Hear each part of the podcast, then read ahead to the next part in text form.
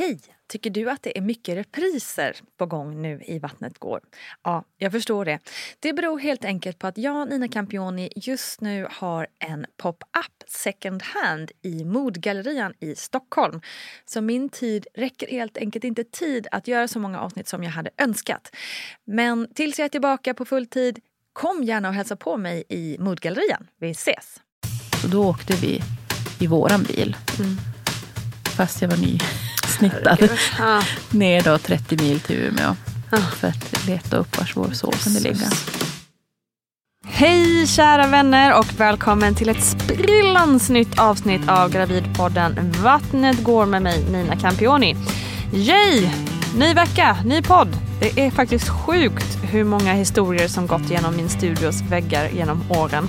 Och vad lyxigt det är att jag får ta del av alla era berättelser. Men det finns ännu fler möjligheter. Så missa inte fler berättelser på Vattnet Gårds Instagram. Där faktiskt du som lyssnar kan berätta din story via vår Instagram stories. Så spännande att följa det där, så missa inte det och hör av dig ifall du vill vara med och berätta din historia. Nu över till dagens gäst. Carolina Karlsson är lärare och kommer från Överkalix. Hon och maken Peter har fyra barn. Erik, Axel, Alve och Vidar. Och nu blir det snack om skräckresor under snöstorm på väg mot BB som ligger långt bort. Men vi pratar också om Downs syndrom, sterila kvaddlar, kejsarsnitt och vaginala förlossningar. Vi hinner med mycket på denna korta timma, var så säkra. Med oss som vanligt är också barnmorskan Gudrun Abascal. Nu kör vi!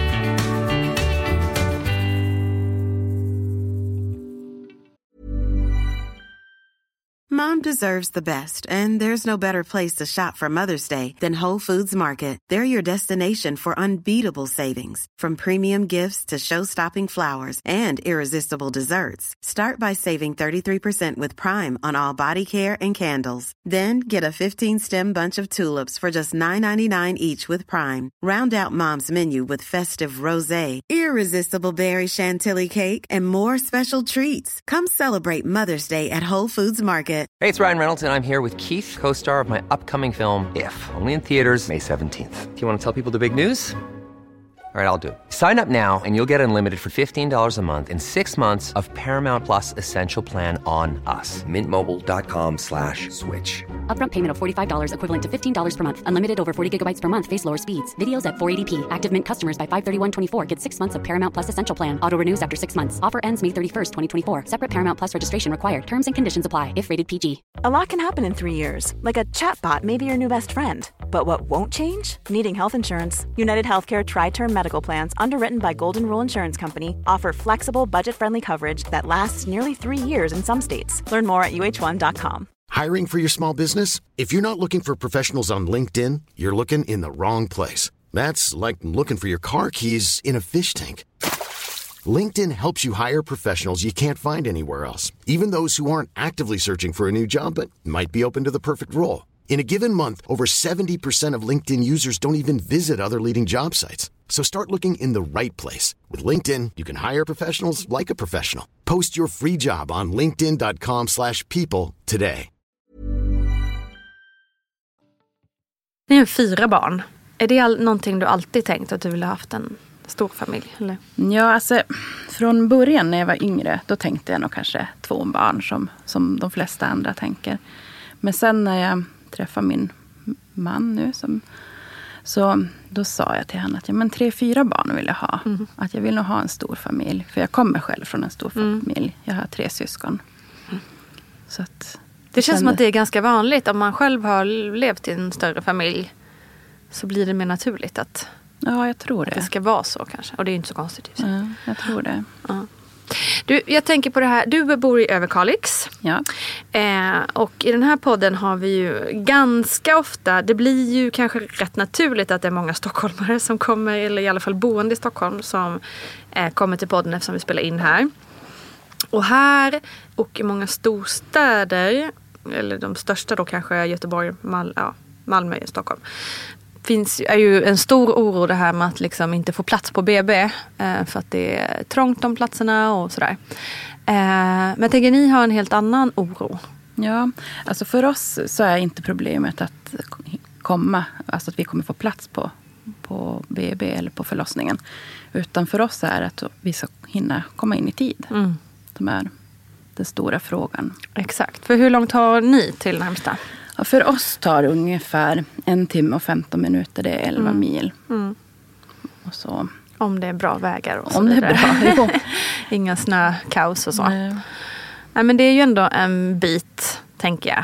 Det är en bit, för när verkarna har kört igång Mm. och du sitter där i bilen, då är det inte roligt. Då är ju varje minut liksom Ja. en skräckupplevelse.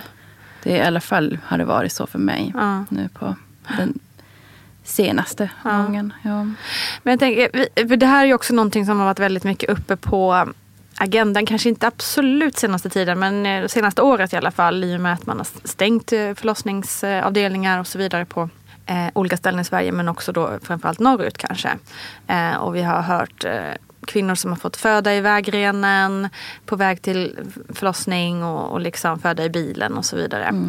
Ehm, är det liksom det är ju såklart en oro för många. Men det, blir det mer specifikt för, för dig? Har du känt det? Alltså, inte, jag kände ingen som, som hade fött så. Mm. Alltså från mina vänner och bekanta i, i, från Överkalix. Då. Men det har ju hänt efteråt. Mm. Året efter jag föddes, så två Okej. bekanta som har fött efter vägen. Mm. En, en, en bra kompis också. Okej. Så att eh, den risken finns ju. Mm. Även om barnmorskor vill ju gärna tona ner det. Mm. För jag minns att jag sa det någonting när jag kom in med, med han nummer tre. Då. Att ja, man vill ju inte föda efter vägen. Och hon bara, nej men det händer ju aldrig. Mhm. Och så. Men det vet man ju att det kan ju faktiskt hända. Mm. Precis. Jag tänker på så förberedande föräldrakurser och sånt. Går man in på eh, hur man ska göra? Och man... Nej, nej alltså, det finns inga föräldrakurser där, Nej, jag kommer ifrån. Men, men man får ha lite så här sunt förnuft och Mm. packa med några handdukar Mm. och kanske någon varm filt ifall att. Mm. Och så. Jag brukar ha med mig en plastpåse för jag har ju en tendens att vilja kräkas. Ja, ja, ja. Ja. okej. Ja. Så det brukar jag ha med. Och, Mm. Man får Och så- förbereda sig på ett helt ja, annat det är ju vis. inte så kul om vattnet går i bilen heller. Och det skulle, Nej, just det. så, sånt har jag tänkt på och haft med mig. Packa med. Mm. Men nu sist så gick det ju lite snabbt för han var ju inte beräknad förrän tre veckor senare. Nej, men ska vi, nu blir det lite omvänt här, men vi kör, det är väl lika bra att vi går in på det direkt. Hur det gick till. Liksom. Eh, men han, precis, han ville komma ut lite tidigare. Han, han hade bråttom. ja. ja. Nej men jag var i, jag hade nog kommit in i vecka 37. Och eh, började få massa sammandragningar eller förverkar. Och hade det som natten till tisdag. Kände jag av det och tänkte, men är det på gång redan nu? Annars tänker jag att det kanske ligger några veckor bort då. Mm. Och så hade jag en träff med min barnmorska på, BVC, på MVC då. Så jag som sa lite försiktigt till henne att det hade varit då under natten. Och, ja, men hon trodde som ändå att ja, men det kommer nog ungefär i vanlig tid. För det har du gjort med de andra. Att det är nog inte så troligt att, att det blir nu i, i natt. Att man är som sig själv närmast. Att man är lik sig själv. Mm, det. Och det där som tog, tog jag som till mig på något sätt. Att ja, men det är väl så att då är det nog inte på gång riktigt än. Mm. Och jag gick hem den dagen och tog det nog lugnt och sådär. Och sen vid femtiden så började om igen, verkarna. Och jag höll på där till åtta på kvällen kanske. Mm. Och då började jag känna så här hur det for ner, strålade ner mot ljumskarna lite mer. Så jag tänkte, ja, jag får se nu. Men på något sätt så kom jag inte ihåg hur det skulle kännas. Fast jag har, det var fjärde barnet. Nej. Så, men jag tänkte ah, det kanske är dags att packa den där BB-väskan. Så jag började göra det och så bad jag min man att nu måste vi ta en, en ny sån här magbild, en sista magbild. Mhm. Men eh, han trodde ju, Peter trodde ju inte att det var riktigt på gång Nej. än. Och jag visste som inte heller riktigt om det var det. Men jag förberedde så i alla fall. Och sen, jo men då hade jag fått lite feber också. Så jag hade tagit en Alvedon och jag gick och la mig kanske vid tio tiden. Och det var lugnt. Och så vaknade jag upp ungefär en timme senare att jag började få verkar i sängen. Så jag värmde en vetekudde och så kunde jag som ligga där i lugn och ro och ta verkarna. Och så vet jag att jag var upp och värmde den där kudden om igen och tog temp igen och hade mer så feber på natten. Och det som har varit är att med, med de andra barnen har jag inte kunnat ta en verk liggandes. Jag har varit tvungen att direkt hoppa upp ur sängen eller Okej. soffan och, och som, ta dem stående. Så jag tänkte inte att det var så riktigt starka verkar. Nej. Och så, men då när jag hade tagit mm, Alvedon igen och hade sett att jag, jag, fick, jag blev sådär lite feberfrossa fick jag. Tänkte jag jag måste ju ringa till förlossningen och rådfråga. Att, fick jag ju för mig att men, det är ju någonting med feber och gravid. Som, ja. så, och sen hade jag varit på toan också. Jag hade fått sån här täckningsblödning. Slemproppen hade gått och det blödde lite grann. Och, så jag ringde in då och frågade. Det var samma barnmorska som svarade som hade förlöst mm, trean. Då. Så jag kände igen henne. Jag sa, det känner jag igen. Men hon trodde att, att kanske jag var förkyld. Att det var därför jag hade feber. Men sen så tänkte hon att det kan också ibland bero på att det, det är igång. Och så hon tyckte att vi ska komma in. Nej, sa jag. Det, det är väl inte så viktigt. Ja, Jag tror jag ligger och vilar en stund. Att de inte är så starka, verkarna. Och jag fattar egentligen inte varför jag gick och la mig på soffan. Först tänkte jag ta en dusch, men hon sa nej, ta inte en dusch. Att, att, att, nej, det får du inte göra. Men, Nej, varför vill hon inte det? nej, men hon, jag tror att hon tänkte nog att det är nog dags att börja komma in. Fast hon sa det som ändå inte... Eller ja, hon sa ju det, men jag som... Jag vet inte. Jag, jag gick i alla fall och la mig på soffan och låg där. Och det gick bra ändå att ligga där och ta dem. Visst, de var ju lite starkare verkarna och så. Och sen så inser jag bara att det är sex minuter mellan. Att oj, dags att ringa till min mamma då som skulle vara barnvakt. Och, och Peter låg och sov på övervåningen så jag ringde till honom också. Nu måste du komma. Så mm, min mamma hon kom ju så snabbt hon kunde och vi åkte kanske en halvtimme senare. Och när vi då skulle som in i, i bilen och, och åka ner, då satte det igång rejält. Verkar från, jag vet inte vad man ska kalla det. Men alltså det var jättejobbigt. Och det hade snöat hela den natten. Såklart. Så det var ju så här jättedålig sikt. Och det var inte skottat någonting. Det här var ju februari. Natten till, eller 4 februari var det. Ehm, jag blundade hela vägen. Och, och bara försökte så här att tänka att jag ska andas. Så jag, försöka, jag försökte med riktigt sån långsam andning. Jag tänkte så här, barnet måste få syre på något sätt. Och så satt jag där med min kräkpåse redo också. Men Så du sitter liksom i fullt verkarbete på snöiga vägar och bara vet att du har liksom en timme minst framför dig. Liksom. Ja, och jag sa till Peter, bara, kan du köra snabbare? Men det gick inte. Vi Nej. hamnade ju bakom en långtradare också. En, någon stor lastbil. Det gick inte att köra om. Och, mm, ja, men jag försökte på. Jag jobbade igenom mina verkar och ja, det var så hemskt. För att um, det var samma när jag åkte med trean också. Att jag fick starka verkar i bilen. Och att jag kände att och bara hade haft lite smärtlindring. Just det. Så, men eh, det var en sak som barnmorskan sa innan, alltså när jag pratade med henne där. Det tre på natten då när jag ringde. Att, att om vattnet går, då måste du ringa ambulansen. Att då kommer barnet inom 30 minuter. Mm. Ja, men och så känner jag som någon konstig liten knäpp inom bords. Att, hmm, det här känner jag igen. Att det här har jag känt förut och då har vattnet gått. Så jag sa till min man att vi måste nog ringa ambulansen nu. Och ehm, ibland tänker man ju så här att ah, men det här klarar vi. Man ska inte vara till besvär. Och jag tror att min man han var lite mer så att nej, men vi kör på. Men jag stod faktiskt på mig och sa men nu ringer vi. Och ehm, då fick jag prata med larm, amor- ap- ap- vad heter det? larmoperatören. ville prata med mig. Och, ja, om det var normal graviditet och vilken vecka jag var. Jag bara, men jag är i vecka 37. Så här, det är tre veckor för tidigt. Och så. Och då var jag inte ändå så här, jag var inte jättenervös eller jag var inte rädd eller så på... Eller rädd var jag nog. Jag var faktiskt rädd.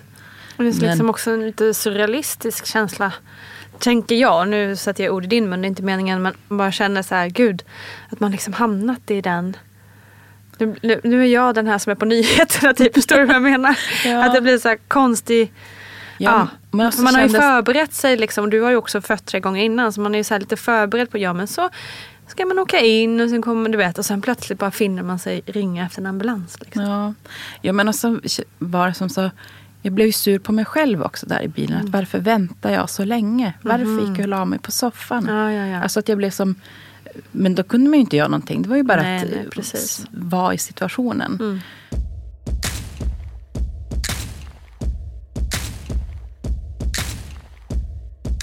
Um, Ambulansen skulle då möta upp oss. Och de, de ringde in lite senare också. Och skulle möta oss när man kommer upp på själva E4. Så ni fortsätter köra liksom? Vi fortsätter köra mötas? mot BB. Och um, då, ska jag, då kommer den här ambulanskillen. Ska du komma med oss i ambulansen? Ja, sa jag. Det ska jag. Men alltså hur jag tog mig ut, jag fattar inte. Det, det var verkligen en riktig kraftansträngning att ta mig ur våran bil och in på den där britsen. För sen när jag låg på britsen, då höll jag ju på att dö. Och, och alla pratar om att det finns lustgas i en ambulans. Men jag fick ingen lustgas. Nej, okej. Där låg jag och hade värsta verkarna. Och Var du ensam där? I... då var det ju en kille som satt med mig Ja. och han pratade lugnande och var jättefin så. Och jag sa, när jag väl hade fått färdigt den där verken, då sa jag till honom, jag tänker inte föda i bilen. Nej. För det hade varit mitt mantra de sista milen in, att när jag kände det där med vattnet, att jag ska inte föda i bilen. Och, så, och då var det inte så långt kvar till BB, när jag hade kommit in i ambulansen.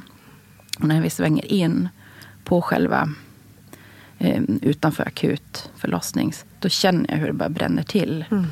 Ner till att, och då förstår jag att nu är ju huvudet där. Och jag känner ju som att det som sipprar ut också mer vatten. Och, och, men då kände jag mig som så lättad för jag visste att nu, Du är nu är det framme. lugnt. Ja. Mm. Och då stod ju en barnmorska och en undersköterska och tog emot mig. Att hinner vi upp på rummet? Jo, spring ni så då klarar vi det. Typ. Mm. Och jag tyckte det var, gick så långsamt. De ska igenom du vet, så här, äh, kulvertar och upp Mm. och en hiss och, och allting. Och när vi kom upp på rummet, då föddes han tio minuter Mm. efter det. Det är ju så på håret alltså. Ja. Men då, var, då kände jag mig trygg när vi var i själva rummet. Och först ville ju de att jag skulle hoppa som över till den här sängen. Så det försökte jag göra. Och sen tror jag nästan att jag skrek, har du några kvaddlar så sätt dem nu. Så då fick jag snabbt... Ja, du hann få det? Ja, och då tog det som bort allt det onda från själva ryggen. Och så fick jag lustgasmasken som jag sög i där. Och så kunde jag hjälpa till att ta av min byxa och min tröja. Och, så. och i samma veva kom min man in då. För han hade kört efter oss med bilen. Så han hann ju fram och sitta här och hålla Ja, min hand. Och så. vilken tur. Så var det ju bara att börja krysta på en gång. Jag var ju fullt öppen. Och Herregud. huvudet var där. Ja. Och så. Och krystningen, den gick på tre krystverkar. Mm. Så var han ute. En liten kille. Och han hade liksom inte märkt av så mycket av det här dramat. Nej. ändå. Men hur känns det liksom? Nu gick det ju bra, tack och lov. Ni hann, hann fram precis i rättan tid. Liksom. Men hur upplever du den här... Alltså hur känner du inför den här upplevelsen i efterhand? Ja, alltså efteråt. Um, jag kallade den ju för skräckfärden. Mm. Det, det var min benämning. Och jag hade som ett behov att prata om det. Mm. Um, typ dagen efter, med, eller samma dag då sen. Han föddes halv sex på morgonen. Att Mm. prata med, med barnmorskor och sånt som kom in i rummet. Och som säger att ja, det var jättejobbigt. Mm. Så, så det, det, det gjorde jag. Mm. Och så, men jag kände den jättelänge efteråt. Att det var en skräckfärd. Mm. Det var verkligen... Jag, jag tänkte så här. Jag skulle kunna eh, älska ett till barn. Och jag skulle kunna vara gravid. Men jag skulle inte våga föda. Nej. Så. Men eh, Men för jag märker alltså liksom också när du berättar om det så får du tårar i ögonen. Ja. Och så det, det är fortfarande väldigt starkt hos dig. Fortfarande, det är inte så länge sedan det hände. Så det är inte konstigt. Men jag menar det är så fruktansvärt att, att det ska behöva bli så här. Så att det ska bli ett trauma av det. Det är ju så... Och det, är ju, och det är därför jag också Hemskt. säger det. Att man känner ju att man, man är lite skyldig själv också. Att man kunde ju åkt tidigare. Men jag känner ju de som som bara vaknar med en verk och säger Visst. till sin partner att kom nu måste vi åka och de hinner knappt in. Nej. Nej, men det är ju det som är så olika. Man kan ju inte, Nej. man kan ju inte förutsäga, precis som din barnmorska sa. Hon, sa, hon var så säker på att nej, nej, nej. Det kommer bli för si och så och si och så. Och sen så blir det inte så för att alla, alla förlossningar är olika. Och det som, är som jag har märkt tydligt på mina är att jag har ganska lång latensfas. Och sen går som kryssningsarbetet, det går bra. Och, och relativt snabbt då. Eller jag tycker 10-12 minuter är ganska snabbt. Men, ehm, men med just nu med det här fjärde barnet, det gick ju, latensfasen var ju lite kortare. Så att jag borde ju ha tänkt som att den också kan förkortas. Att det behöver inte vara två dygn som det hade varit tidigare. Och, Nej, fast det är ju också, du, ska verkligen, du får inte ta på dig det här. För det, jag menar, det, eh, man vet ju bara det man själv har varit med om innan. Så det är inte så konstigt att man liksom, ah, ja men det här. Och sen så som du säger, verkarna var ju lite, de var ju inte så. Nej, du de kunde ligga ner och ja. då, då tänker man, ja ja men än så länge är det ju lugnt. Liksom. så, så gick det med det. Men det gick bra. Herregud. Det gick bra, exakt. Det, det är väl även som sagt att det, jag förstår det måste varit fruktansvärt läskigt. Så ja, det gick bra till slut. Det gick bra. Tack och lov. Och skönt att slippa föda i ambulansen Mm. också. Ja, verkligen.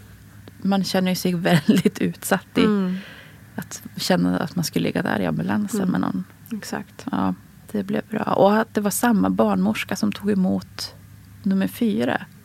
Det var faktiskt jätteroligt. Som, det- alltså, som du hade på trean? Ja. Eller på vilken? Ja, trean Mm. och fyran. Med samma Samma, barnmorska. samma barnmorska, samma förlossningsrum. Mm, jaha, okej. Så ja, då var det något som du fick känna igen i alla fall. Det var ju så skönt. det var bra. Då fick du trygghet i det. Det fick jag trygghet. Mm. Ja, absolut. Ja, är det så att man har långt till BB så tänker jag så här att man, man under alla omständigheter att man tänker efter, kan jag, vad ska jag ha för strategier och så vidare. Finns det någonting som jag ska tänka extra på? Och det tycker jag att man sätter sig ner med sin barnmorska på barnmorskemottagningen under graviditeten och att båda föräldrarna är med på det. Hur ska vi tänka och hur ska vi eh, göra? Och eh, där så, så kan jag, vet jag också att det förekommer att har man väldigt långt till sin förlossningsklinik så kan man som föderska få bli igångsatt. Att man kommer in vid speciella datum, kanske innan beräknat datum eller efter beroende på vad barnmorskan på barnmorskemottagningen tycker att livmoderhalsen känns och så vidare. Men det, det vet jag att förekommer, så det kan man ju också diskutera det hela. Även om man då har bestämt sig för att vi ska höra oss väldigt tidigt skede. Så fort man märker att förlossningsarbetet håller på att starta så åker man in. Det tycker jag är, är väldigt, eh, väldigt viktigt så att, säga, så att man känner sig trygg i det. Sen är det ju stor skillnad om man är förstföderska eller omföderska. Så som förstföderska så är vanligtvis så hinner man ju in eh, då eftersom man förlossning får kanske man räkna med att kan ta allt ifrån 10 till 20 timmar i alla fall. Nu vet man ju aldrig det innan så att eh, ja, det är svårt att veta. Omföderskor, ja där är det framförallt att den senare delen av förlossningen går mycket snabbare och att vet man har man haft en snabb födsel första gången så får man ju räkna med att det blir det andra gången också skulle jag tänka i alla fall. Och då tänker jag så här att man också ska planera hur det här med bilen då och då tänker jag så här varför inte be en god vän att när vi ska åka till åka in och föda barn skulle du kunna tänka ställa upp och köra bilen. Jag tycker att föräldrarna de ska stötta varandra framförallt att ens partner finns bredvid som hjälper till med kanske med massage och uppmuntrande ord och så vidare och kan fokusera på det istället för att fokusera på att köra bilen. Det tycker jag. Och när de förlossningsarbetet drar igång, att man tar kontakt med förlossningskliniken och berättar att man är på väg in. Och så sedan att man har kontinuerlig kontakt under bilfärden med en barnmorska på den förlossningsavdelning som är. Sen kan man ju också göra så att är det så att man känner sig osäker, och man tycker att det här blir väldigt besvärligt, att man ringer, ringer ambulansen och det kan de också säkert hjälpa till på den förlossningsklinik som man ska till så att de möter upp ifall man känner att det här funkar inte så bra för oss i bilen ensamma och så vidare. Så att ring och varje sån här sak, ta upp det och prata med barnmorskan som finns på, på kliniken där ni ska föda. Sen vet jag också till exempel att man har stannat på, vid ett sjukhus som inte har en förlossningsklinik. Men där kan man ju, finns det ju alltid läkare tillgängliga som, som har erfarenhet av förlossningen. Så det är väl bra. Och likadant en vårdcentral kan väl också säkert stå till tjänst. Så allt, både vårdcentralen och förlossningskliniken, eller sjukhuset, är ett bättre alternativ än att föda i bilen. Och sedan att när, när man då, om man märker att barnet är på väg, att man stannar på en trygg plats, att man kör av vägen och står säkert. Och då också ringer, ringer ambulansen så fort som det går och har ständig telefonkontakt med personalen på den förlossningsklinik som man ska föda på. Och sedan så tycker jag framför allt så är det viktiga med det hela också efteråt, det är för att många tycker att ah, ja, spännande, tänk att du är född eh, i bilen och hej och hå så. Vilket är jättetraumatiskt för föräldrarna. Först är man bara glad att man överlevde, men sen. Så här behöver man en ordentlig uppföljning och prata igenom det hela med en barnmorska som, där, som lyssnar på en och stämmer av och, och så vidare. Så att, och det tycker jag att det glöms bort ibland. Utan alla tycker ja men det gick ju bra. Ja, men det kanske hjälper inte mot ångesten i alla fall. Så att viktigt med ett uppföljande samtal.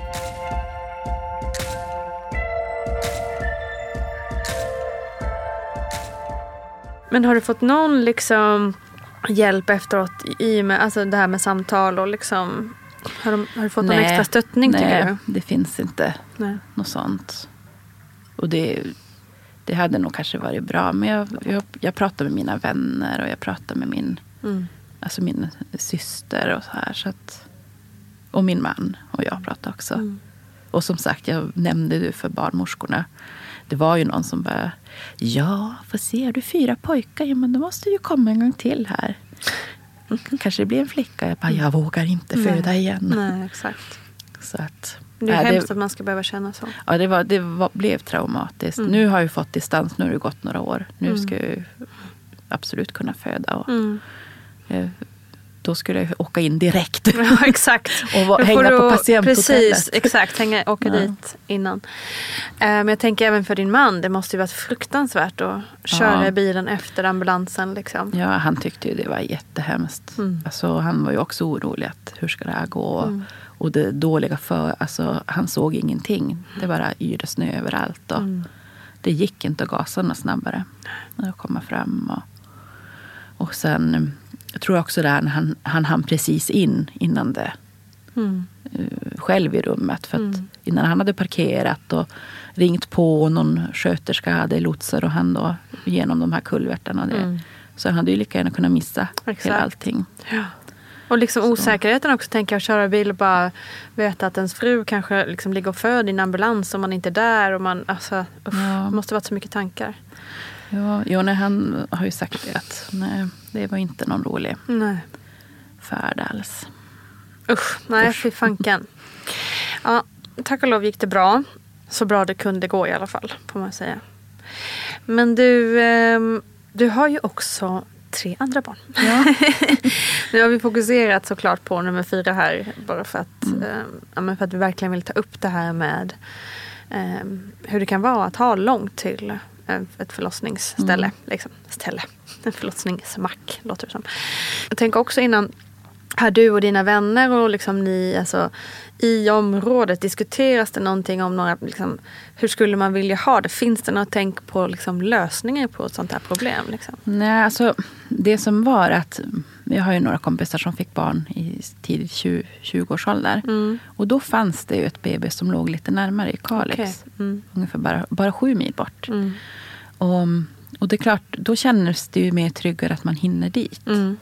In och så. Mm. Men sen, eftersom de också fick då sitt första barn och sitt andra barn så, så kände jag ju igen att det kunde gå jättefort med, Mm. med tvåan. Mm. För att jag hade en kompis som också bara kom och så på 20 minuter var det fött. Att det gick väldigt snabbt. Så det, Mm. det hade man ju i, i bakhuvudet då när jag skulle föda mitt andra barn också. Mm. Att det här kan ju gå snabbt nu. Och, eller tredje barn och så här. Det, det låg där. Men ingen lösning på problemet. Nej. För vi får som, i glesbygden får vi finna oss lite grann i, Mm. i hur det blir. Mm. Att det, det är så här det är. Jag tycker nästan det skulle finnas typ så ambulerande barnmorska eller något som liksom, ja, men du vet som bara bodde i i närheten som kunde liksom rycka ut Mm. när det krisar. Jag måste säga, berätta kommer på nu. Alltså i höst så föddes det ett barn på vår hälsocentral. Mhm. En bebis. För de hann inte in i tid.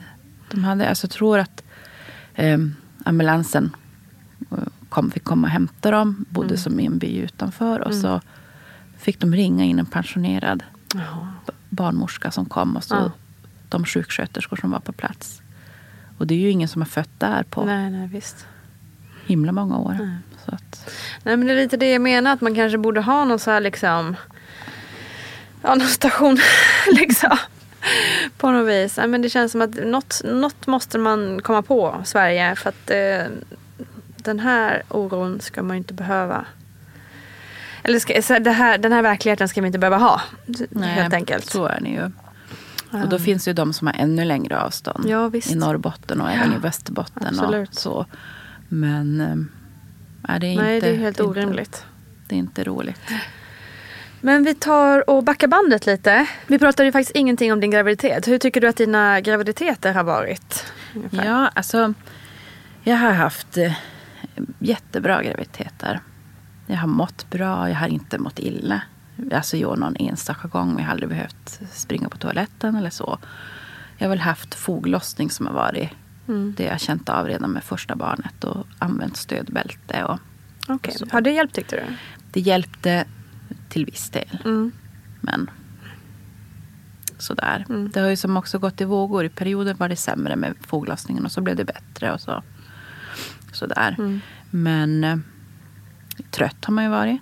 Och så när man har flera andra barn så trött. Ja, jo.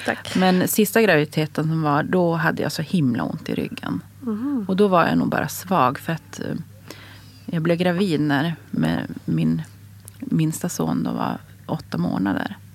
Ja, ja, ja. Så att- Så kroppen var lite trött från Ja, den, den var inte riktigt, jag var inte återställd. Hade inget magstöd eller ryggstöd eller sådär. Hur planerad var den graviditeten? Nej, den, fråga. den blev ju en sån där överraskning Ja. om man säger.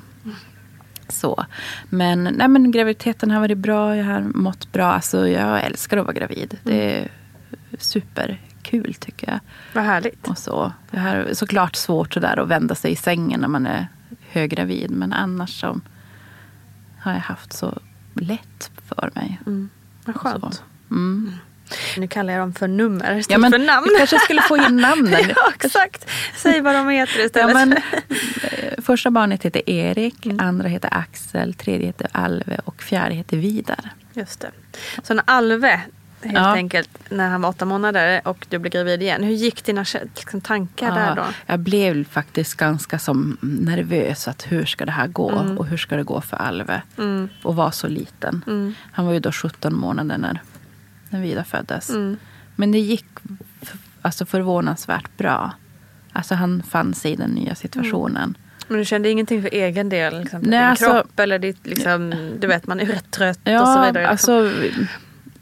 Jag tänkte nog mer på honom. Mm. Och så, att hur ska det gå? Men sen, alltså, jag- visst, jag kände av den här ryggen. Mm. Att jag hade, det gjorde så ont i ryggen. Med, med dels att bära på honom och sen in och ut med vagnen ur bilen. Och sådär hela tiden. Att man kände sig så svag i ryggen. Och, och så. Men jag var mer orolig för att hur, hur han skulle tackla den nya situationen. Och så. Så det, men mm, som sagt, det gick bra i alla fall. Skönt.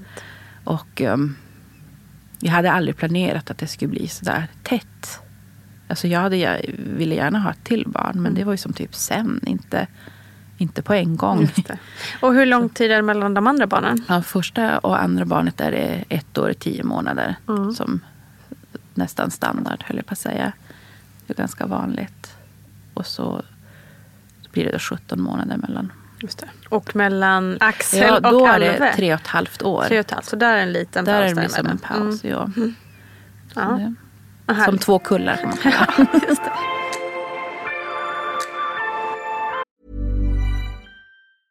You should celebrate yourself every day, but some days you should celebrate with jewelry. Whether you want to commemorate an unforgettable moment or just bring some added sparkle to your collection, Blue Nile can offer you expert guidance and a wide assortment of jewelry of the highest quality at the best price. Go to BlueNile.com today and experience the ease and convenience of shopping Blue Nile, the original online jeweler since 1999. That's BlueNile.com. BlueNile.com. Hey, I'm Ryan Reynolds. Recently, I asked Mint Mobile's legal team if big wireless companies are allowed to raise prices due to inflation. They said yes. And then when I asked if raising prices technically violates those onerous two year contracts, they said, What the f are you talking about, you insane Hollywood ass?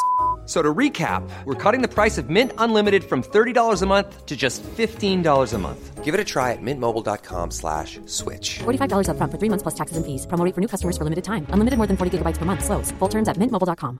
Even when we're on a budget, we still deserve nice things. Quince is a place to scoop up stunning high-end goods for 50 to 80% less than similar brands. They have buttery soft cashmere sweaters starting at $50, luxurious Italian leather bags, and so much more. Plus, Quince only works with factories that use safe, ethical, and responsible manufacturing. Get the high-end goods you'll love without the high price tag with Quince. Go to quince.com slash style for free shipping and 365-day returns. Hey, it's Ryan Reynolds, and I'm here with Keith, co star of my upcoming film, If, only in theaters, May 17th. Do you want to tell people the big news?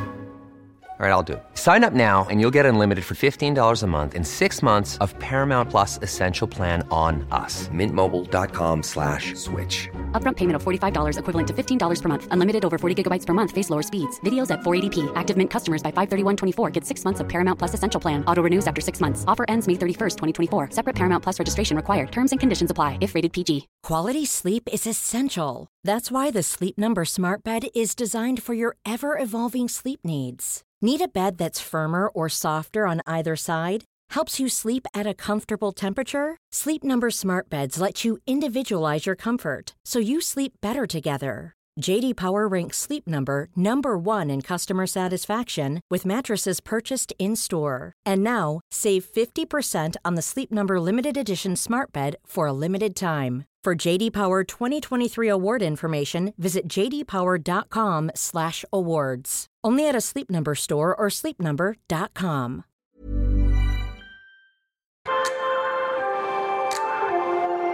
Ska vi prata lite om eh, för, din första förlossning då? Ja, Hur Eh, gick den till? det blev ju, eh, det blev ju inte som jag hade tänkt mig. Utan jag hade gått åtta dagar över tiden när han föddes. Men ehm, tre dagar innan så hade jag haft verkar på natten. Till måndag var det. Och ehm, jag gick på toaletten och tyckte att, att jag hade blött så mycket. Att, att det var som blod där. Och, så jag sa till Peter att vi, vi åker in på en kontroll. Att Det känns inte bra att det ska blöda så här. Nej, såklart. Och så, det var ju inte som någon stor, jättestor mängd, men man märkte det när man torkade sig där på toan. Och, och så. Och jag hade, den där slemproppen hade ju gått, det hade jag ju sett. och Så, där, och, så vi åkte in, vi, fick, vi var välkomna in och vi kom dit. Och när jag sitter i bilen så känner jag en sån där knäpp. Och tänkte, vad var det där för någonting? Hade ju ingen aning vad det var. Och när vi kom fram så gick jag på toaletten och upptäcker ju att det är som alldeles blött. Så jag tänker att det måste ju vara vattnet som har gått. Och um, när vi kommer in på det här undersökningsrummet och de kopplar mig med CTG-kurvan och, och allting så undersöker de ju sen. Och, och det kommer en, till och med en läkare, förlo- förlossning, gynläkare och kollar också att jo men det, det är vattnet som har gått. Och då blir det ju som i Norrbottens landsting, då, då sätter man igång på tredje dagen. Jaha, okej. Mm. Så att vi, om inte ingenting skulle ha hänt så skulle på torsdagen skulle det sättas igång. Men de tyckte ju inte att vi skulle åka hem när vi hade så långt att åka. Så vi fick bo på patienthotellet. Just det, men det var det jag tänkte fråga om man liksom, när man har sådär långt att det blir ett jäkla jobb att bli hemskickad och fram och tillbaka. Köra fram och Ja, tillbaka. Ja, nej, men så det var jättebra. Och det, Ja. det var ju lugnt. Det var ju vårt första barn. Vi hade ju inga barn hemma som Just det. väntade. Utan vi bodde på det där patienthotellet. Och jag hade så här ont mellanåt. Och mycket pinverkar. Förstod jag sen att jag hade. Som gjorde så himla ont. Och, så. och vi gick tillbaka då till förlossningen igen. Som på kvällen. För att de skulle kolla hur, hur mycket som hade hänt. Och jag hade väl öppnat mig någon centimeter till. och så där, Men inte, inte aktivt ännu. Och jag fick sovkurer. Okej. För att jag skulle kunna sova. Så jag fick en en dag. Kanske på tisdagen på dagen eller onsdagen på dagen. Och så fick jag till natten också på torsdagen. Det hände ingenting. Det var, verkarna var svaga och det var som inte riktigt på gång. Så natten till torsdag tar jag de här sovkurerna och, och lägger mig. Och sen får jag ju börja hoppa upp ur denna säng Mhm. konstant så Mm. fort det kommer en verk. Och det börjar kanske först med 15 minuter mellan och så 10 minuter mellan. Mm. Och, Och då, du kände liksom redan från början, du kände, då, då kände du i kroppen någon stark, liksom, du bara måste stå upp? ja, alltså det, det liksom? var som att jag skulle brytas i, i, i tu tror jag. Okej, ja. Och det, och det förstod jag sen att det måste ha varit som pinverks också. För det var som ilade hela magen. Mm. Förutom alltså som känningar i ryggen och, och sådär. Och mellan varven så springer jag in på toaletten för att på något sätt är jag då jättekissnödig. Mm. Och upptäcker att varje gång jag torkar mig så är det så mycket blod. Mm. Det, blir som lite Ja, läskigt. Ja, verkligen. Och, ehm, och min man ligger ju där och sover. I, vi hade som två enkelsängar i det här lilla rummet. Och jag, jag lägger mig ner mellan verkarna och drömmer då hela tiden att barnmorskan säger att jag får inte komma in. Mm. Att, att du, det är inte igång ännu, du får inte komma. Och, och hon var som hemsk kände jag. Mm. Och, det, och jag, jag tror att jag får som så här lite, jag blir lite hög av de där. Just det. Det Jag blir som en feberdröm nästan. Ja, kanske. lite Mm. konstigt. Men till slut så säger jag, väcker jag min man och säger att Nej, men, vi, vi går dit bort. Eller, eller om det är han som till och med säger det. För klockan är ungefär efter fem på morgonen. Så vi går som till själva förlossningen Mm. och ringer på. Och, och får komma in då och, och göra en CTG-kurva igen. Och så kräks jag Mm. på golvet. Och då var det ju som igång efter det. Och um, morgonskiftet skulle komma och byta av när vi fick komma in på ett förlossningsrum. Så det var ju som hej, hej, Mhm. kul att träffas. Och, och man, förväntansfull var man ju. Att, hur- vad ska det bli av det här? Mm. Men alltså det gjorde så ont, verkarna. Så jag, jag, jag tror att jag blev som rädd av själva smärtan också. Att hur, hur ska man hantera det här? Och jag Mm. fick ett sånt här gåbord som jag stod i Mm. och höll på i och sådär. Men eh, de satte också i lite mer verkstimulerande dropp då för att det skulle ge mer fart. De blev kanske mer intensiva också. Mm. Och sen så var jag öppen ungefär 4-5 centimeter. 5 centimeter. Men de upptäcker ju då på med att barnet mår inte bra. Att hjärtljuden går ner. Så de började ta ett sånt här laktatprov på hans Mm. huvud. Då. Mm. Och sådär. Och då mm, tog man ett prov och så tog man som ett till efter ett tag igen. Man hade kanske någon halvtimme eller så. Och så blev det bestämt ganska snabbt att han det, att det måste bli akutsnitt. Då. Mm. Och just då så kände jag mig lättad att det blev det. För det gjorde Mm. så himla ont. Och då hade jag som ingen smärtlindring. Jag hade inte alls lustgas. Nej, Eller, det. alltså. Så då kändes det som att, åh, vad skönt nu. Mm. Men, eh, nej, men det, vi gjorde oss redo då. Iväg då. Och så skulle man hoppa upp på det här operationsbritsen. Och så skulle man få den här ryggbedövningen. Och det var så mycket människor i rummet, minns jag.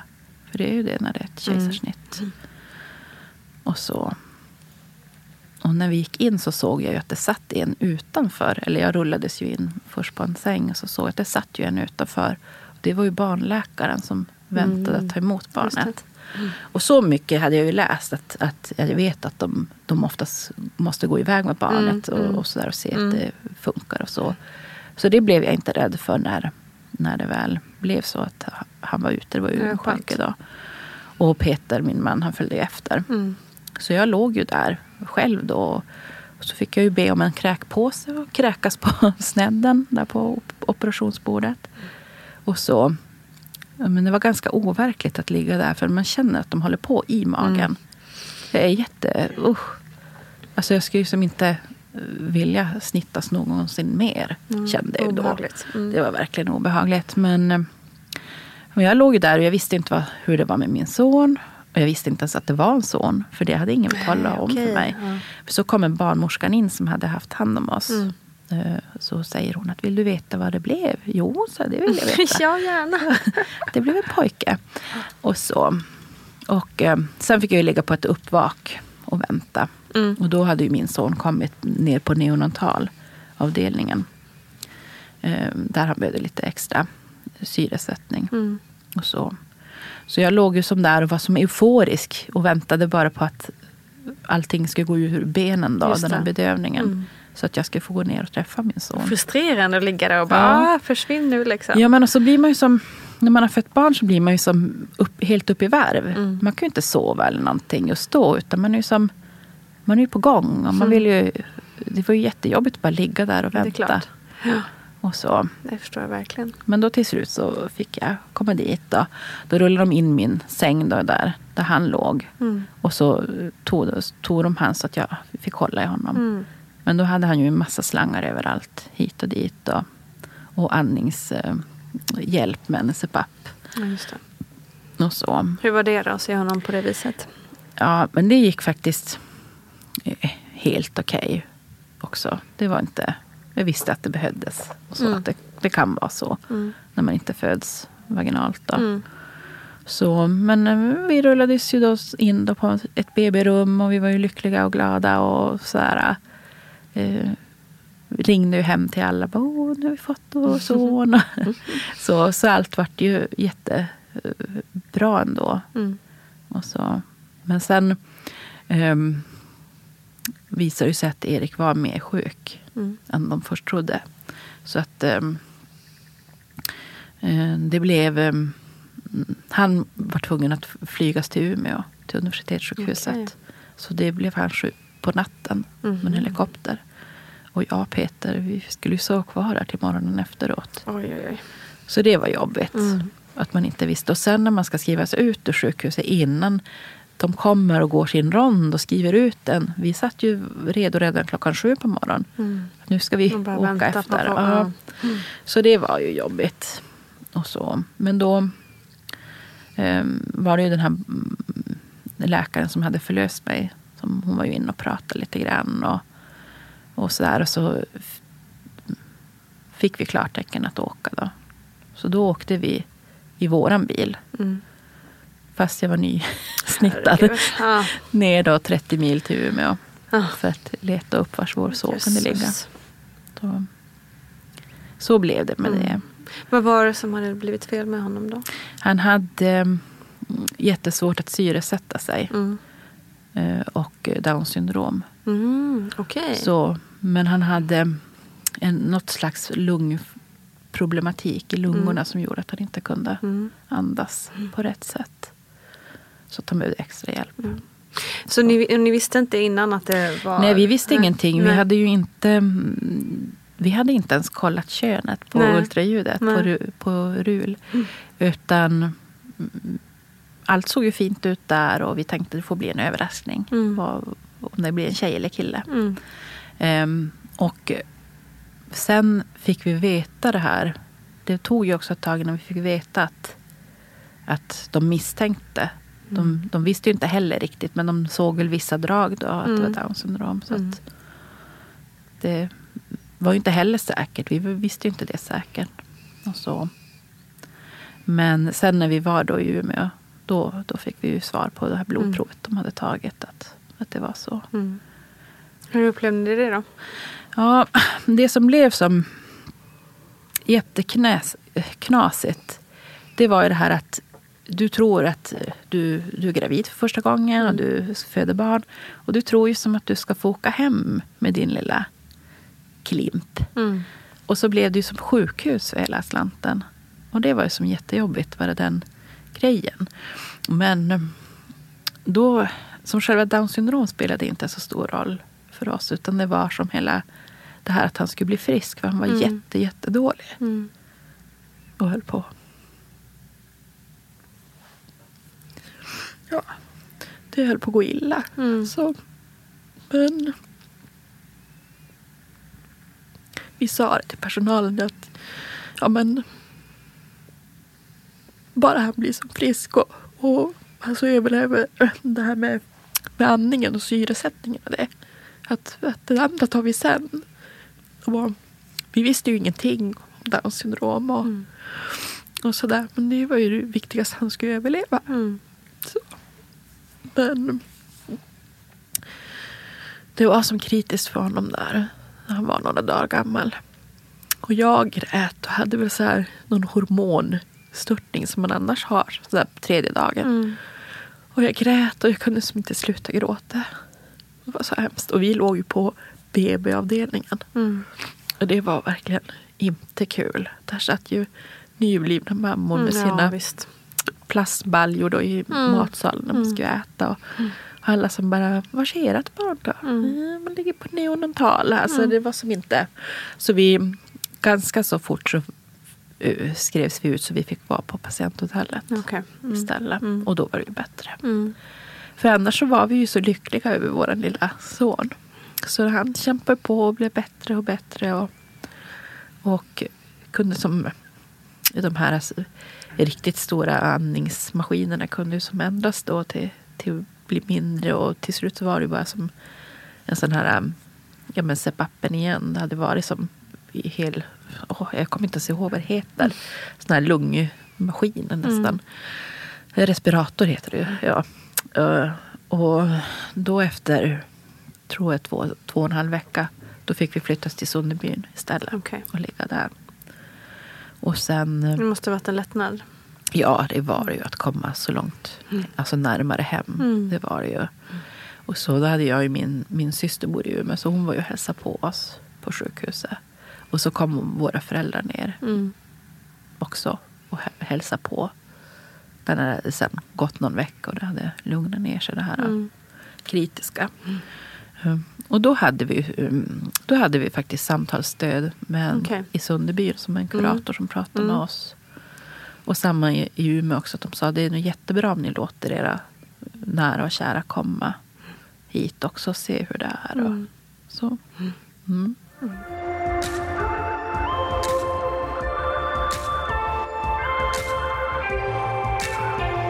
Så blev det. Men sen bodde vi ungefär som totalt en månad på Okej. sjukhus och så fick vi komma hem då. Mm. Men han hade ju ännu så här syrgasgrimma. Grimma.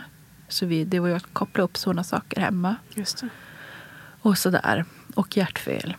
Så det var ju kon- åka på kontroller. Och, och sen när han var fem månader så opererades han för hjärtfel i Göteborg. Så efter det, då kunde vi vara som en vanlig Mm. nybliven familj. Mm. Och det kan jag känna att det saknar jag nog att det inte blev så. Mm. Det, det blir sällan som man har tänkt sig. Kanske. Så är det verkligen. Men just det där liksom att Ja, att man, inte, att man missar, kanske också med första barnet, att man missar det där som man hör om och läser om. De mysiga första månaderna och goset och bubblan och hit och dit. Ja. Men det fick jag ju ta igen då sen Mm. med, med tvåan, Mm. Axel. Då blev det ju som något helt annat. Mm. För där blev det ju precis som det skulle bli. Mm. Känner du någon oro inför två, Axel? Att, Nej, jag var Liksom. inte orolig att det, att det skulle gå fel på något sätt. Eller, utan mer sådär förväntansfull. mm, Att, ja, skönt. att vad ska det här bli nu för någonting. Men jag var lite så orolig. Tänk om jag inte får föda vaginalt. Just det. Så jag var Mm. faktiskt på en sån här kontroll och de röntgade mig och se att bäckenet var nog brett så att det skulle gå. Mm. Det var ju som inga problem. Men sen vet man ju inte hur mycket det ska som skada i, i ärret och i livmodern. För jag hade aldrig hört att man skulle försöka vänta ett tag. Vi blev ju gravida ändå ganska relativt Mm, snabbt. mm. Han var ungefär ett år när, när, när, när jag blev gravid igen. Mm. För det har jag som läst sen att en del menar att man ska akta sig så att man inte har för tätt. Hur länge ska man vänta tills man kan bli gravid med nästa barn efter ett kejsarsnitt? Och eh, det här har varierat med, med åren som allt annat inom förlossningskonsten. Eh, så idag, så vad det som gäller, så är det bara här att man kan planera sin nästa kommande graviditet precis när det passar en bäst. Alltså tidigt, men man kan också vänta. Så att eh, det finns inga restriktioner kring det. Så att det är bara att säga lycka till om det är så. Och då kommer vi till den här frågan, hur mycket kan man gå på föregående förlossningar när man beräknar nästa? Alltså om jag föddes så här förra gången så borde det typ bli så. Generellt så kan jag säga som barnmorska så är det väldigt viktigt att när jag eh, träffar och det är barn nummer två till exempel, så vill jag gärna sätta mig in hur var det första gången? Hur gick det till när du födde? Både medicinskt men även känslomässigt. Vi vet ju att barn nummer ett är ju den förlossning som i regel tar längst tid och risken för komplikationer är störst så att säga. Så. Och då vet vi att vissa komplikationer, har man haft det första gången så kan det öka risken med barn nummer två. Annars så vid barn nummer två så går ju i regel de förlossningarna både snabbare och risken för komplikationer är betydligt mindre. Så jag tänker ofta så här när jag har jobbat att att det eh, kommer in en, när barn nummer två första gången en helt normal födsel, ja då, då tänker jag så här att det blir, då går det bra den här gången också. Vi talade tidigare om att första, första gången en kvinna föder barn så är det en form av provförlossning, om man nu kan säga så. Men så gjorde vi i alla fall. Men, eh, så att jag tänker att ja, men barn nummer två är ju, är ju i regel den som brukar vara minst, minsta risker för, för komplikationer. Och, så. och sen om man då jämför barn eh, när man föder barn nummer tre, ja där tycker jag att, att min erfarenhet är i alla fall och säger så att, att har man en normal förlossning vid nummer två så brukar nummer tre se ganska lika ut också både när det gäller längden på förlossningen och smärtan och upplevelsen och så vidare. Nu pratar jag bara statistik och ingenting i det enskilda fallet. Naturligtvis så kan det vara så att det, ser, att, att det kan vara precis tvärtom och fram och tillbaka. Som jag brukar säga att allting kan hända, därför är jag lugn. Nej, men Axel han hade ju också så här så att jag hade en lång latensfas. Mycket pinverkar. Låg hemma och fick flytta mig ner till vardagsrummet och ställa mig upp i varje Mm. Varje verk. Jag stod lutad över soffkanten ibland och ibland över en stol. Och upp och ner och jag duschade varmt och jag tog Alvedon och, och vetekudde värmde jag och sådär. Men eh, vi åkte också in på en kontroll med honom. Att vi kolla hur läget var. Mm. För det, var, det hade varit verkar. Mm. Och, ja, men det är inte riktigt igång att gå lite på stan och kom tillbaka. Så då gjorde vi det. Och det var ju jättejobbigt att gå på stan och ha verkar. Och, försöka äta något thaimat där. Fanken, jag kan inte tänka mig något värre än att gå runt på stan av alla ställen. Ja. Och så när vi kommer tillbaka, ja, men vi säger vid fyra, fem tiden, ja, men då hade det slutat. Allt mm. var ju borta. Mm. Så då fick jag med mig en sovkur mm. och så åkte vi hem. För då, då hade vi ju brorsan hemma. Då ville man ju inte stanna på något patienthotell. Utan då åkte Såklart. vi hem. Mm. Och um, hade ju verkar där under dagen också till och från och sådär. Och sen så körde det igång den natten igen då. Um, det blev också konstigt. Drömde mm. några konstiga mm. drömmar. Och om Peter frågade mig hur det var så bara, det är några katter här. jag vet inte. Men um, jag måste fundera. Men vi åkte nog in kanske vid sju tiden, åtta tiden på morgonen. Med, med verkar då. Mm. Och um, fick ju ligga först då i ett undersökningsrum med CTG-kurvan igen. Det är jättejobbigt när man måste ligga på rygg. Mm. Jag fattar inte varför man måste ligga på rygg. Nej, det nej, precis. Det gör så ont, eller i alla fall för mig. Alltså jag höll på... Som att ryggen skulle gå av, kändes det som. När man låg där. Mm. Men, nej, men då var jag ju öppen, så det var ju bara att komma in i ett förlossningsrum och vi var så glada. Jag kommer ihåg att solen sken mm. och vi poppade lite musik på radion och tyckte att åh vad härligt, vi ska få träffa vårt barn. Mm. Och, så, och sen så gick det ganska snabbt. Jag måste fundera nu. Jag fick lite verkstimulerande dropp, lite extra. Mm. Och sen så blev det lunch och jag hann äta som på, lite på stående fot. Jag hade ett sånt där gåbord och så åt jag. Peter han gick ner och skulle fixa sig någon lunch i restaurangen. Och, men sen blev det ju intensivare. Mm. De hade väl skruvat upp den där ordentligt. Och då, då stod jag ju där och fick ta det själv för han hade inte hunnit komma tillbaka. Eh, men eh, barnmorskan hon var jättesöt och rar. Så här, och hon eh, trodde som inte att jag behövde någon smärtlindring för det var någon förlossningsläkare där också som var och kollade till. När jag då hade fött med snitt så mm. hade hon kontaktat mm. henne mm. så att de skulle ha koll. Jag tror att jag också hade sagt någonting att det kändes som att det stramade åt som vid snittdelen. Mm, Så då, då ville de kolla det lite Mm. extra. Då sa jag till henne om jag skulle prova kvaddlar. För jag hade hört talas om dem alltså i ryggen. Då. Mm. Och det kändes som att ja, men, lite sterilt vatten. Att det kanske kunde vara bra. Och då fick jag dem. Och det blev jättebra. Hela min gillar det. ryggvärk Ja. försvann.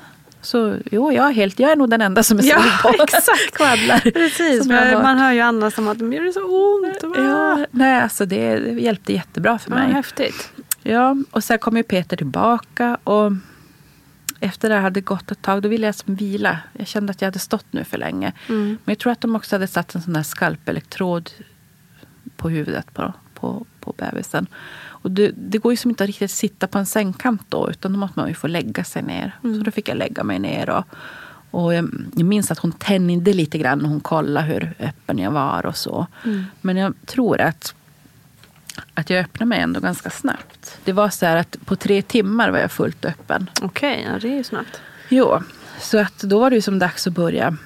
börja. Då hade jag haft lustgas också. Mm. Och så, så, så var det dags att, att komma igång och, och krysta där.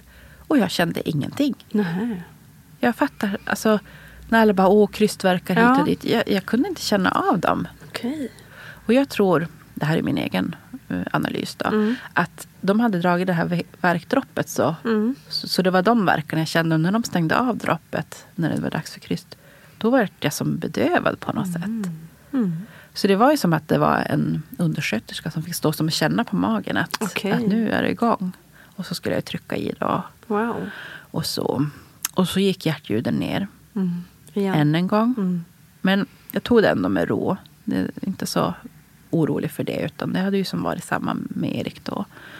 Ehm, men då ville ju de sätta en sugklocka. Mm. Så då kom det in en läkare och så blev det en sugklocka. Och vi försökte på där och trycka på. Och så flög den där sugklockan av. Herregud. Så, och då var det jättebråttom. Då, då måste ju, kaos då. ja, personalen tror jag var ganska... Ja. Mm. Jag tog det med ro. Och det är ju tur att man kan behålla sitt lugn. Men vi var ganska många i rummet då. Och, och då, skulle, då skulle mina ben böjas åt något håll och någon skulle trycka. Så jag tror två tryck på magen. Oj, oj, oj. Och så kom han ut då. Som en segergest, som Stålmannen. Så han rev, med, rev mig på Okej. insidan. Ja. Så, och plus att de fick klippa också. Mm. Så, men då var han ute. Och då var det ju så hemskt när de skulle sy. Jag höll på att dö. Alltså men det, du bedövade inte dig då? Jo, men de bedövade men jag kände va- varenda Aha. sak. Åh herregud. Så, så jag var tvungen att lämna bebisen till Peter. Jag kände att jag kan, kunde inte hålla han samtidigt Nej. som jag skulle ligga med en lustgasmask och försöka... Eh, Alltså, nej, det är det värsta jag varit med om. Mm. Och jag eh, lyssnade här i podden att det räknas som en grad två när man blir klippt.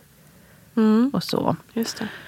Ehm, det hade jag inte tänkt på tidigare. Och, så. och sen var det ju så att jag blev ju som på insidan också. Mm. Inne i slidan också lite. Men, nej, men det, det var inte roligt. Nej, fy Så. fanken. Men har du haft några problem med det efteråt?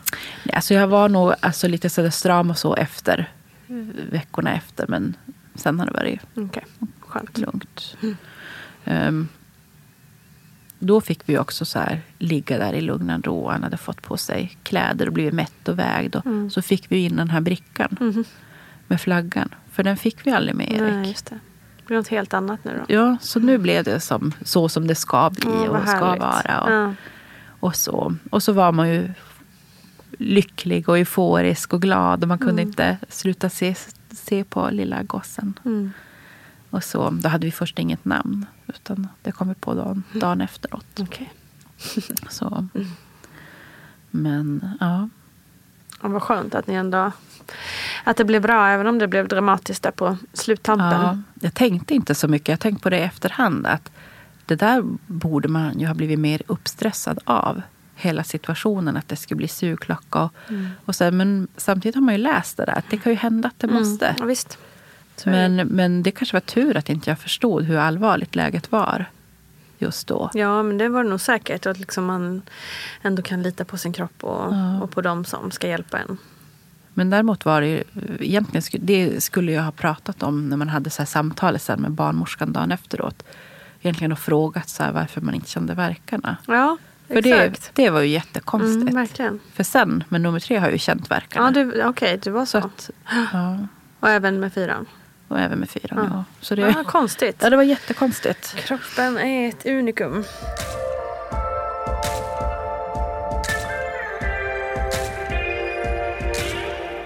Vi hade ju försökt ganska länge innan, innan jag blev gravid med Alve. I ett och ett halvt år hade vi försökt. Så jag var ju jätteglad då när jag Mm, blev förstår det. gravid. Och, eh, då kändes ju som storebrorsorna kändes så stora då. Mm. De var ju fem år och tre år. Så det var ju som något helt annat. De hade varit så tätt, de andra två.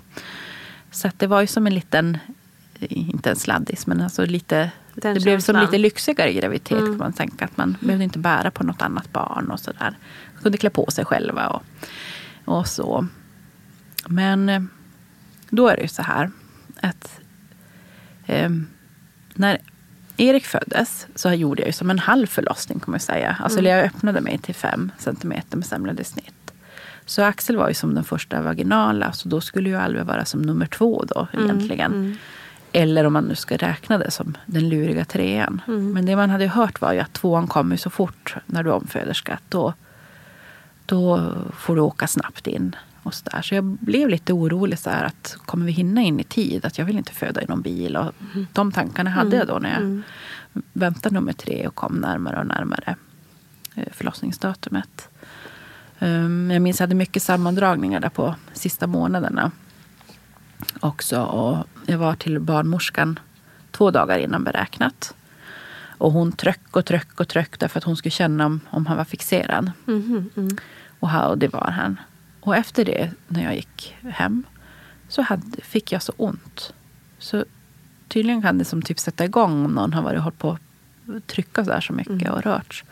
Så jag gick hem och så låg jag i soffan och så hade det börjat lite grann. Och det var första gången jag kände något, för jag hade inte haft några förverkar alls. Och det hade jag också tagit upp med barnmorskan. Och hon bara, nej men som omföderska så blir det bara pang bom, sa den här äldre barnmorskan. Då. Ehm, det- kommer gå undan. Så nej men då hade jag verkar sen resten av dagen och på natten igen. Och så dagen efter så tyckte min man att nej men nu åker vi på en kontroll. Och jag var inte alls lika noga att göra det för jag kände att det var inte riktigt igång ännu. Det kände ju igen det från hur det hade varit. Men, men vi åkte i alla fall. Och där träffade vi en barnmorska som, som hon kollade att tappen var ju bakåtlutad. Och det var bara en centimeter, det var inte på gång ännu. Och så säger hon till mig att ja, men du får ingen igångsättning bara för att du är nära beräknat datum. Och jag tittade som på henne, nej, sa jag. Och förstod som ingenting. För jag var inte där för att få någon igångsättning. Utan mer bara kolla hur läget var. Också egentligen en bra grej att göra när man bor så där långt ifrån. Att man kan åka in och kolla. Så att man kan ha lite superviktigt. ro också. Så här, hur, hur, Men hon ville markera det på något sätt. hon ville markera där. Och jag kände ju igen den här barnmorskan. Jag hade ju träffat henne med första barnet. Um, som uh, jag hade försökt förklara till henne att jag tyckte att det, det var så mycket blod. Och hon, hon tyckte inte att det var det. Jag skulle visa upp bindor och grejer. Och sen väl på förlossningen så såg de att jag hade moderkaksavlossning. Så jag hade ju egentligen inget förtroende för den här kvinnan. Men vi åkte ju hem. För det, det var ju faktiskt inga verkar igång då. Mm. Och så började de igen då nästa natt. Och den dagen också. Och jag försökte gå och vila. Peter var hemma då och var med, med pojkarna. Och jag gick upp och jag försökte vila och jag fick springa och kräkas. Och det var som igång igen och det hade gått slemproppar och det blödde lite och så här. Och jag ringde in till förlossningen och äh, du är i latensfasen, sa de. Att det inte är igång ännu. Du kan gå och duscha. Ja, men så att jag har duschat och det hjälper ingenting. Nej, men det är inte igång ännu. Och då var klockan, alltså jag kommer inte ihåg, men den måste ha varit ett eller två på eftermiddagen. Okej. Mm. För då, då gick jag och la mig och försökte ta de här verkarna. Jag, det blev ju inte att vi började åka in eller någonting. Och vi skulle äta middag klockan fyra. Och mina pojkar de såg ju på mig att det var någonting. För där stod jag och tog verkar vid kökssoffan. och skulle försöka äta pannkakor. Nej, det gick inte. Så jag var igen då och tänkte att jag skulle duscha varmt. Och, och så ser jag bara att det är mycket blod i trosan. Eller i bindan. Eller när jag torkar mig. Så då sa jag till Peter, nej vet du, nu, nu måste vi åka. Att jag fick nästan panik. Den här känslan att, att jag hade sådär mycket blod igen. För jag tänkte moderkaksavlossning. Så vi ringde barnvakten, min mamma som kom. Och eh, vi eh, tog oss iväg då. Och när vi sätter oss i bilen så får jag sådana verkar. Jätteont. Så jag hade som pest och pina in till BB. De här 11 milen. Ehm, och ehm, vi får komma in. Och vi träffar en barnmorska. Som säger att ja, det är du som är i latensfasen. Eh, ja, så jag sa ingenting för jag är ganska snäll så jag säger inte så mycket. Ehm, men jag tänkte så här att jag är inte i någon latensfas. Nej, exakt, det kanske var det för några timmar sedan men Ja. saker kan Så ändras. Vi kom in och vi fick ligga i CTG-kurvan och det var så hemskt. Fortfarande ligga på rygg, eh, ta de där verkarna och ja, men kanske 40 minuter, 30-40 minuter fick vi ligga. Och sen så undersökte hon mig och det var som, jag var igång, jag var ju då över 4 centimeter så det var ju, vi skulle ju få ett rum. Och när jag ska klä på mig så känner jag att den där knäppen igen och det blir blött på det här underlägget i sängen på britsen. Och jag säger till henne det. Men hon trodde inte mig. Hon, Alltså, hon det är som- så konstigt, varför gör man inte det? Nej, men jag undrar om de kanske skulle gå hem eller nå för dagen. Nej, jag, det är så himla inte. konstigt. Liksom. Man är i fullt liksom, eh, förlossningsarbete och så, så tror man inte bara att någons vatten är går. Det är ju den mest rimligaste sak som kan hända. Ja, men då fick vi komma in på, på ett rum. Och så fick vi en ny barnmorska. Så den här andra skulle ju gå någon annanstans. Då kanske var därför att hon var på Mm. just väg. Ehm, och då sa jag till den här nya tjejen att, ja, men att jag vill ha kvaddlar och lustgas som smärtlindring. För jag hade känt att det var Mm. så jobbigt att sitta i bilen utan smärtlindring. Och um, hon ville att jag skulle ligga en till kurva. Så jag var tvungen att ligga 20 minuter igen. Och då sa jag, men kan jag få ligga på sidan? Att jag kan inte, jag kan inte vet du, nu, ligga på rygg mer. Och det fick jag. Och då var det ju bra med bebisen. Så då, då, då behövde jag inte ligga något mer efter det. Och hon skulle komma tillbaka och sätta en skalpelektrod på huvudet. Och eh, kolla igen hur öppen jag var. Och så gick hon. Och hon kom aldrig mer tillbaka. Så där, där var vi, jag och Peter själv, med ett gåbord. Och jag satt på kanten på sängen och så varje gång det kom en verk så ställde jag mig mot gåbordet. Och det kom ju in en undersköterska som kom med, med kaffe, och, eller saft var det nog kanske, och mackor. Som jag som tuggade i mig där mellan verkarna. Så det var ju bra, lite energi fick jag. Men det hände ingenting mer. Alltså vi jobbade på där. Peter strök ju mig där på ryggen. Och, så i ryggverken. Och, och egentligen skulle jag ju ringt och bett få mina kvaddlar. Just det. Jag fa- fattar inte varför hon... Men jag tror att de trodde att jag var i latensfas. Alltså de, de trodde inte att det var på gång riktigt. Det är så konstigt. Det är jätte, jättekonstigt. Eh, och jag sprang på toaletten.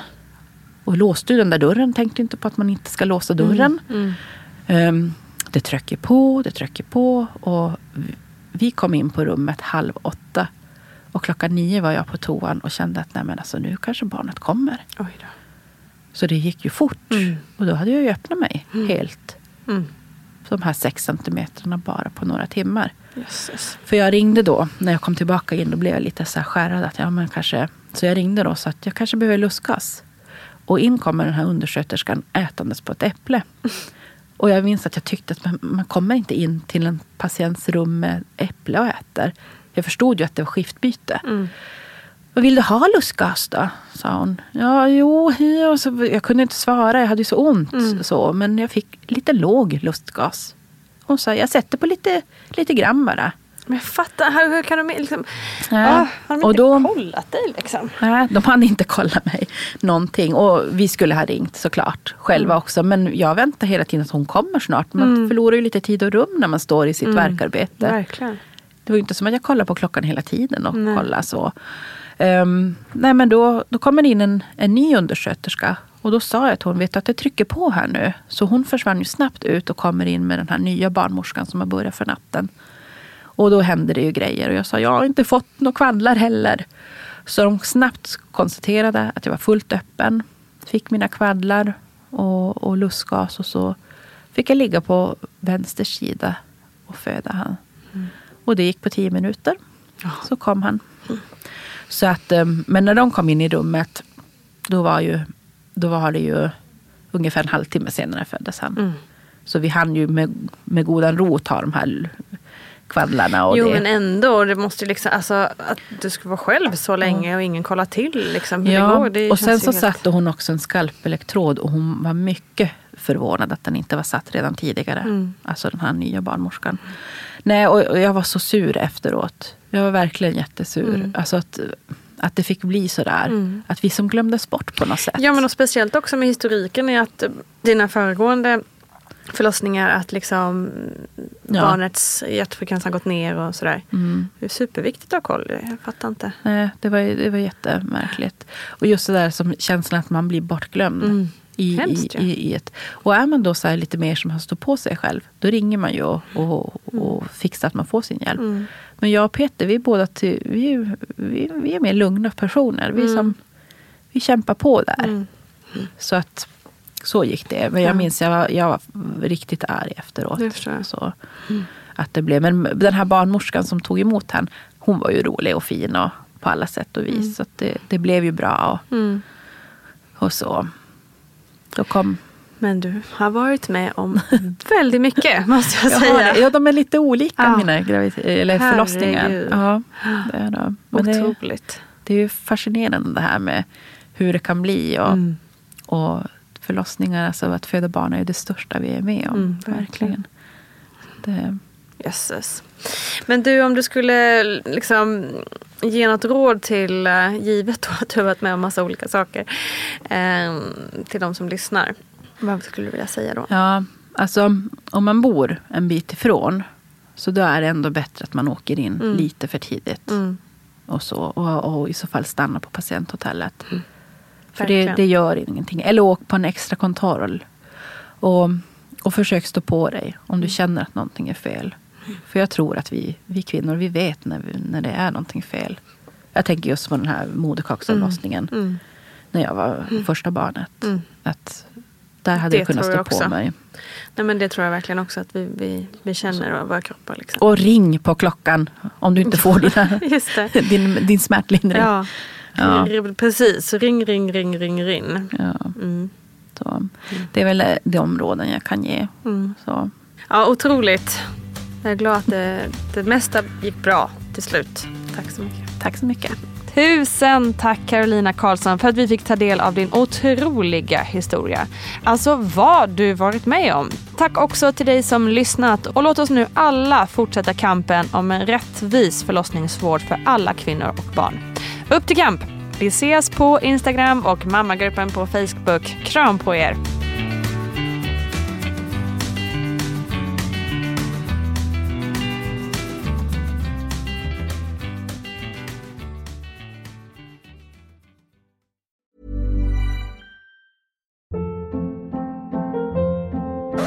Hold up. What was that? Boring. No flavor. That was as bad as those leftovers you ate all week. Kiki Palmer here, and it's time to say hello to something fresh and guilt-free. Hello Fresh. Jazz up dinner with pecan-crusted chicken or garlic butter shrimp scampi. Now that's music to my mouth. Hello Fresh. Let's get this dinner party started. Discover all the delicious possibilities at hellofresh.com.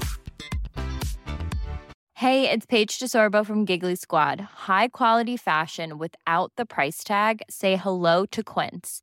I'm snagging high-end essentials like cozy cashmere sweaters, sleek leather jackets, fine jewelry, and so much more. With Quince being 50 to 80% less than similar brands. And they partner with factories that prioritize safe, ethical, and responsible manufacturing. I love that. Luxury quality within reach. Go to quince.com slash style to get free shipping and 365 day returns on your next order. Quince.com slash style.